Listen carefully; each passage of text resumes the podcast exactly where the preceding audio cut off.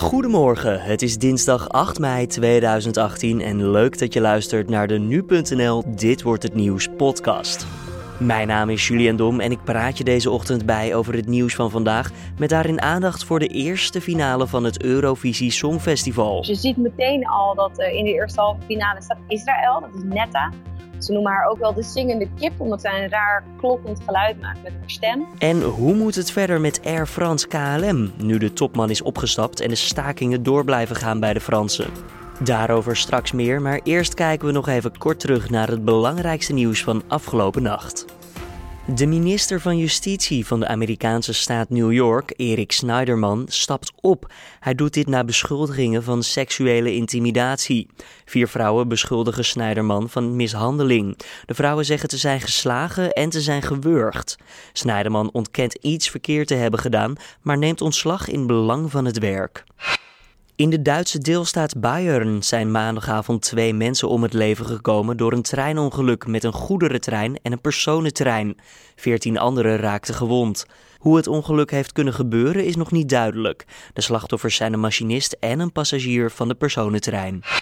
Voor de kust van Libië zijn meer dan 500 migranten onderschept. De vluchtelingen probeerden Europa te bereiken met rubberboten. De Libische kustwacht heeft de mensen naar een aantal detentiecentra gebracht. Dan kijken we naar de nieuwsagenda van deze dinsdag 8 mei.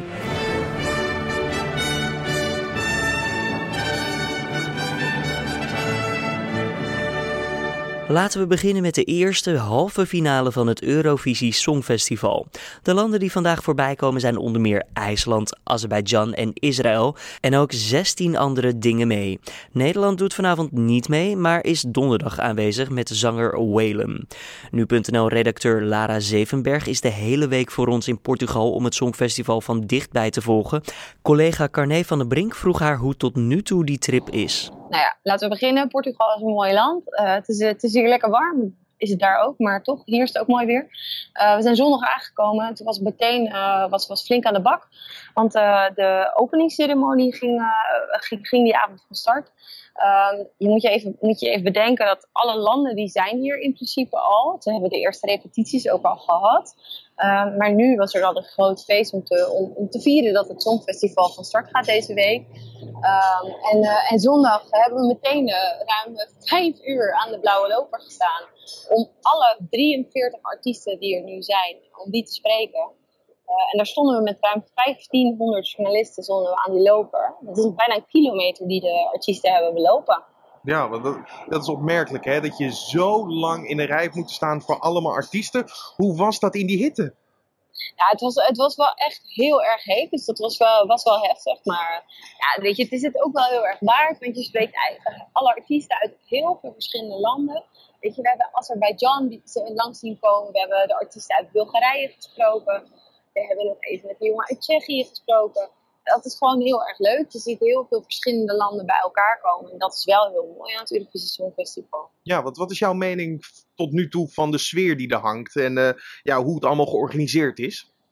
Nou, sowieso is het heel strak georganiseerd. Um, wij, zijn, uh, wij worden overal goed gecontroleerd. Overal staan beveiligingshekjes en we zijn verplicht uh, om een pas te dragen als pers. Maar ook alle artiesten zijn passen ver, verplicht te dragen zondagavond na de ceremonie liepen wij toevallig aan de verkeerde kant van het pand en kwamen we erachter dat alle artiesten in een grote bus werden, werden weggebracht. Per, land een eigen bus. En die werden allemaal geëscorteerd door politie. Dus het is flink beveiligd. Maar de sfeer is eigenlijk heel erg gemoedelijk. Alle artiesten hebben zoiets van, nou, we gaan alles mooi bij elkaar brengen. We willen allemaal onze muziek brengen. Dus het is eigenlijk alleen maar positief. Ja, want hoe hangt de sfeer erbij dan bij het Nederlandse kamp? Bij Whalen natuurlijk, onze inzending van dit jaar? Nou, dat is natuurlijk een beetje ingewikkeld. Maandag uh, heeft de Telegraaf heeft, uh, heeft een uitgebreid artikel geschreven over, over Welen die hen boycott. En ook het AD. Uh, eh, Welen, die hebben wij zelf ook even gesproken. En die zegt tegen ons van, nou, sprake van een boycott is er niet echt. Maar op dit moment heb ik gewoon niet zo'n behoefte om te praten met de verslaggevers van die kranten. En ik denk dat het tijd wordt, vooral bij dat soort bladen, om eens goed te gaan nadenken of je dit soort mensen wel voor je karretje wil spannen. Als het aankomt op dit soort geweldige evenementen waarin je je land kan vertegenwoordigen tegenover naar de hele wereld toe. Weet je? Dus, dus je, en je hebt gewoon een keus. Je hebt gewoon een keuze om het positief in te steken of negatief. En deze mensen gaan negatief, die gaan met de tijd mee en die denken alles wat maar negatief is, het scoort beter. Is vaak ook zo. Dus het geeft ook aan wat het landschap in Nederland is, het klimaat. Ehm, en ik pas daarvoor. Ja, want hij geeft nog wel gewoon, gewoon tekst en uitleg aan andere kranten, media, outlets, televisieprogramma's, waaronder ook jij natuurlijk van nu.nl. Ja, ja, wat ik zeg. Ik bedoel, wij hebben hem, wij hebben uitgebreid gesproken. En uh, tegen ons is hij hartstikke vriendelijk. Dus het is niet zo dat hij helemaal uh, de pers boycott. Uh, maar hij heeft wel gezegd, nou weet je, ik trek even een lijn. En uh, bepaalde pers, die, die, die, daar ga ik gewoon even niet meer mee praten. Nee. Nou, gaan we nu even over naar de dag van vandaag. Het, de eerste halve finale van het Songfestival. Nederland zal niet meedoen, maar wat kunnen we verwachten? Nou, het wordt wel al heel erg spannend hoor. Um, je ziet uh, bij de, de, de bookmakers, die, hebben het meestal, die kunnen meestal ongeveer inschatten wie er gaan winnen. Dus je ziet meteen al dat uh, in de eerste halve finale staat Israël, dat is Netta. Ze noemen haar ook wel de zingende kip, omdat zij een raar kloppend geluid maakt met haar stem. Divine and he's about to regret. He's I'm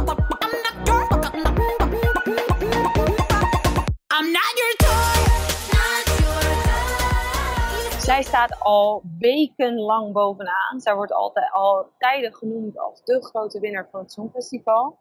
Uh, ja, dat moet je natuurlijk nog bezien. Maar zij speelt in elk geval uh, tijdens deze eerste halve finale. Dus dat is al heel spannend. Daarnaast zie je ook Tsjechië en zie je Bulgarije die al heel lang heel hoog staan. Cyprus is de laatste tijd is, uh, is flink hoog gekomen.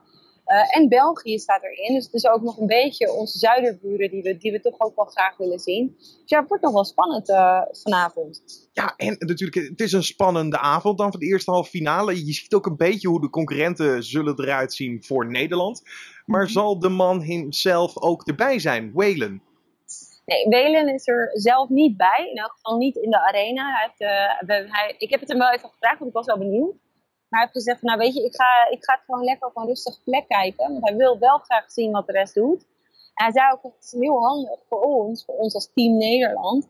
Want we kunnen al een beetje zien wat er mogelijk is om in beeld te brengen. En op die manier kunnen we ons optreden ook nog een nog betere, nog mooiere manier in beeld brengen. En het allerbeste laten zien eh, wat, wat we te bieden hebben. De eerste halve finale van het Songfestival is vanavond om 9 uur te zien op NPO 1. En onze Whalen...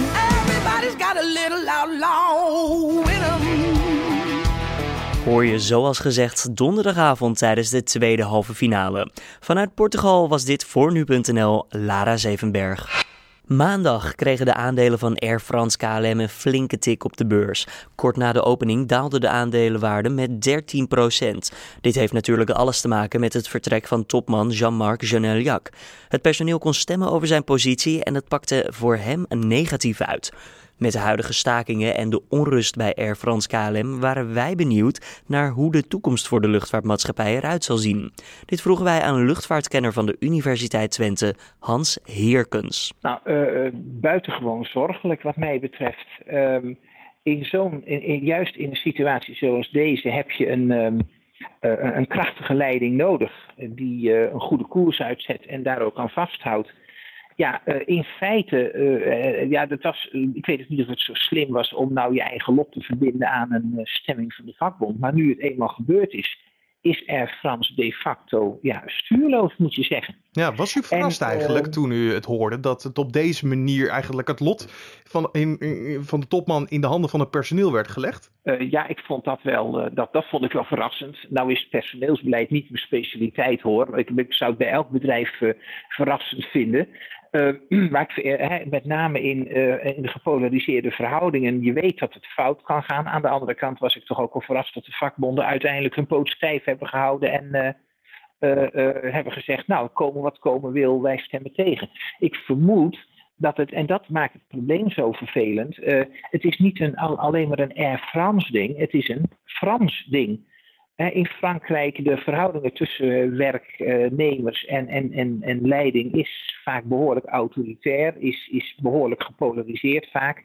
Uh, men kijkt dan vaak samen naar de overheid uh, om, uh, voor een oplossing. Eerlijk gezegd, hè, we hebben hier in Twente een spreekwoord, het moet soms slechter worden voordat het beter wordt. Hm. Zou ik zeggen, het zou mooi zijn als meneer president Macron zou duidelijk zou maken dat Air France van de staat niets hoeft te verwachten bij dit conflict. Nee, want dat is ook zo. Uh, de Franse minister van Financiën en Economie heeft al laten weten dat bij een herkapitalisatie zij er geen geld in zullen investeren. Dit omdat ze het niet van de burger af willen nemen en omdat het bedrijf niet op het gewenste niveau competitief is, volgens hem.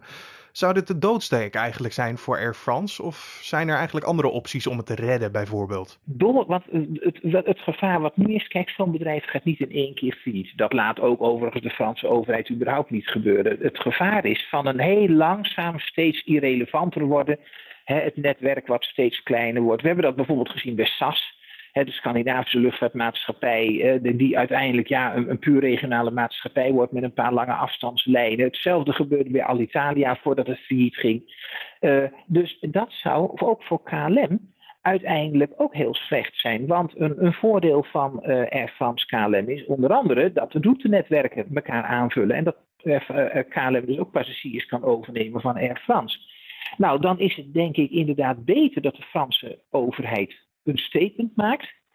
En de, zowel het management van Air France als de vakbonden duidelijk te verstaan geeft: nou moeten jullie het echt zelf opzoeken, uitzoeken. Dan dat je opnieuw maar weer praat over een herkapitalisatie.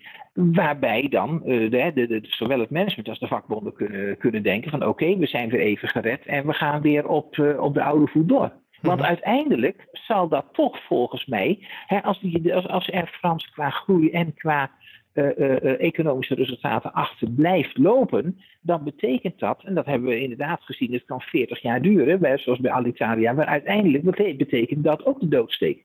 Zou dat ook eigenlijk een, een splitsing van KLM en Air France, zou dat ooit aan de orde komen? Nou, kijk, ooit is uh, wel erg lang. Hm. Air France en KLM zijn juridisch aan elkaar geketend. Uh, ja, uh, want we, het wordt in Nederland heel vaak uh, een fusie genoemd. Het is gewoon, was gewoon een overname. Ja. En um, dus ik denk niet dat Air France de kip met de gouden eieren makkelijk zou laten gaan. Ik wil afsluiten met eigenlijk alleen de vraag in half mei wordt er meer bekend over een opvolger um, van de topman. Uh, wat kan deze nieuwe topman zonder naam, die we nu nog niet weten, aan de huidige situatie veranderen of ja, uiteindelijk moeten veranderen? Nou, dat moeten en kunnen is in dit opzicht uh, zijn twee heel verschillende dingen. Um, kijk, ik, ik, ik denk zelf dat hij aan de ene kant moet, moet gaan werken aan een goede relatie tussen management en vakbonden. Eh, maar dat is niet. Het is makkelijk gezegd hoor, vanuit Nederland, dat weet ik wel. Maar daar moet je uiteindelijk toch naartoe. En hij zal, een, uh, en hij zal de vakbonden dan ook mee moeten krijgen. Of ze buitenspel moeten zetten met behulp van de, van de Franse overheid, van de Franse regering. Door echt nu de bezem door het bedrijf te halen en een modern competitief bedrijf van te maken waarbij de, de, de, de, de, de, de kosten per, per, per passagierskilometer, per geproduceerde passagierskilometer, behoorlijk omlaag gaan. En het bedrijf veel wendbaarder wordt, zodat niet iedere keer als er vernieuwing plaats moet vinden, uh, ja, dat, dat, dat jaren duurt. Maar dat is dus ook een karwei van jaren. En ik vrees dat deze man of vrouw dat niet alleen zal kunnen. Ja, ik, ik ben dus erg blij met dat statement van de minister van Financiën. Want ik denk dat het die kant toch op moet dat ook de overheid duidelijk moet maken, Air France, er moet iets veranderen. Je hoorde luchtvaartkenner van de Universiteit Twente, Hans Heerkens. Bus- en tramchauffeurs in de regio's Twente en Utrecht en in de steden Arnhem en Nijmegen starten met een eerder aangekondigde estafettestaking. Onder andere personeel van Qbus en Breng doen mee aan de regionale werkonderbrekingen. De werknemers leggen het werk neer om hun eisen in het CAO-conflict kracht bij te zetten. Ze eisen onder andere meer salaris en een lagere werkdruk. De Amerikaanse president Donald Trump zal dinsdagavond 8 uur Nederlandse tijd bekendmaken of de Verenigde Staten blijven staan achter het Iran-akkoord. Trump heeft er in het verleden geen geheim van gemaakt dat de VS mogelijk uit het akkoord zal stappen. Eerder deze maand noemde de Amerikaanse president de deal namelijk nog verschrikkelijk.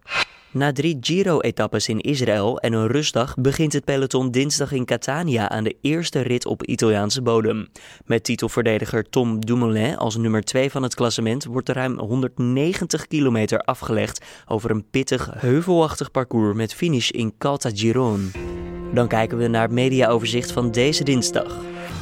Uit een nieuwe Australische studie blijkt dat de toeristenindustrie voor 8% bijdraagt aan de opwarming van de aarde. Dat schrijft Trouw. Toerisme vanuit de 50 rijkste landen draagt het meest bij.